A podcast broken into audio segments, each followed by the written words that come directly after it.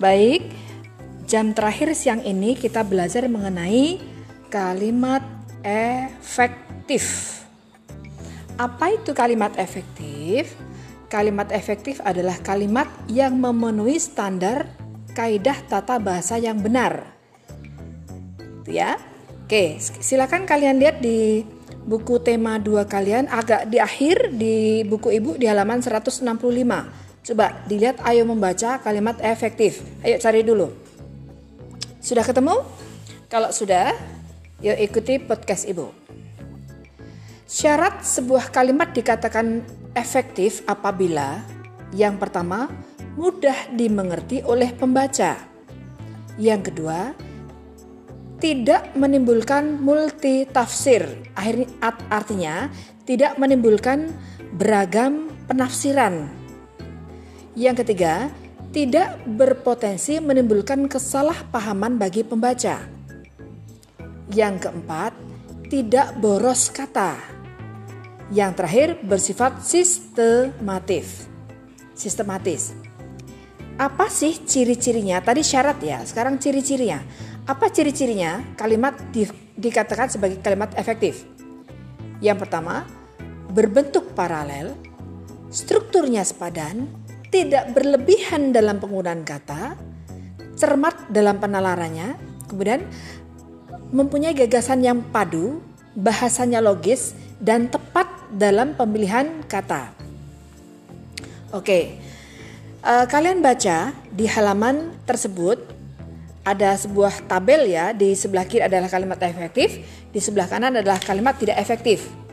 Tetapi ibu ingin memberikan contoh yang biasa keluar dalam ujian. Contoh-contoh kalimat yang sering keluar dalam ujian. Jadi tidak serumit yang ada di buku kalian ya.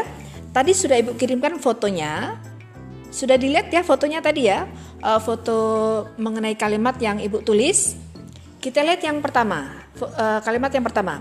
Semua murid-murid kelas 6A belajar dengan semangat. Di sini syarat sebuah kalimat dikatakan efektif apabila tidak ada pemborosan kata.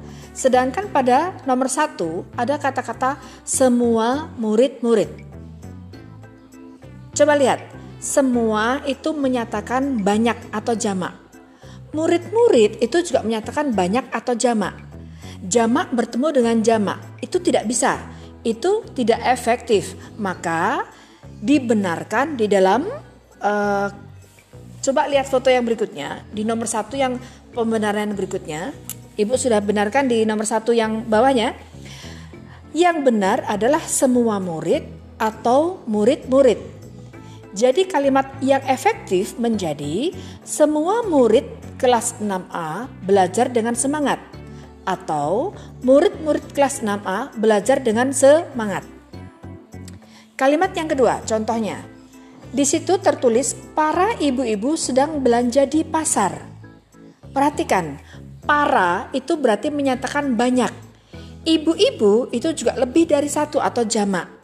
Maka bila jamak bertemu dengan jamak itu salah atau tidak efektif atau pemborosan kata.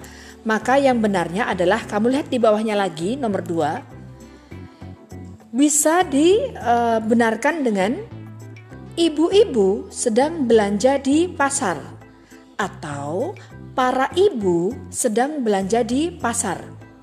Ibu itu hanya satu, maka digabungkan dengan para. Para menyatakan jamak, maka digabung menjadi para ibu. Atau ibu-ibu saja, tidak pakai para lagi. Gitu ya. Nomor tiga. Henry maju ke depan menyanyikan lagu syukur. Perhatikan, ada kata ke depan, ada kata maju. Itu sama.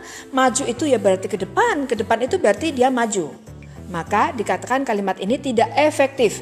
Maka kamu pilih salah satu saja menjadi Henry maju menyanyikan lagu syukur atau Henry ke depan menyanyikan lagu syukur.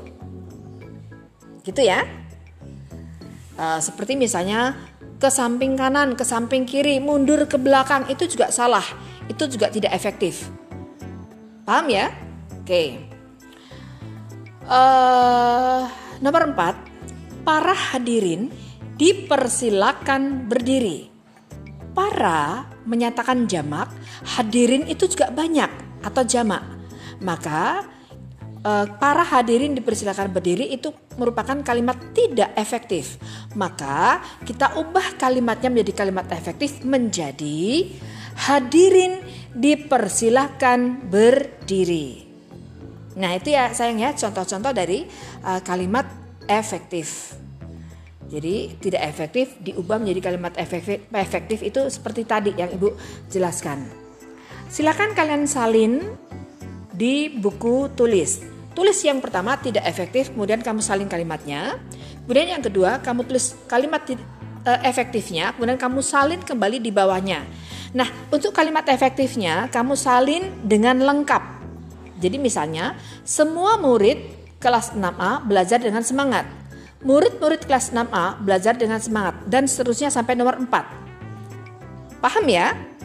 Yuk nanti hari Kamis akan Ibu lihat pekerjaan kamu atau catatan kamu ini. Ingat, mencatat dengan pulpen. Oke sayang, terima kasih.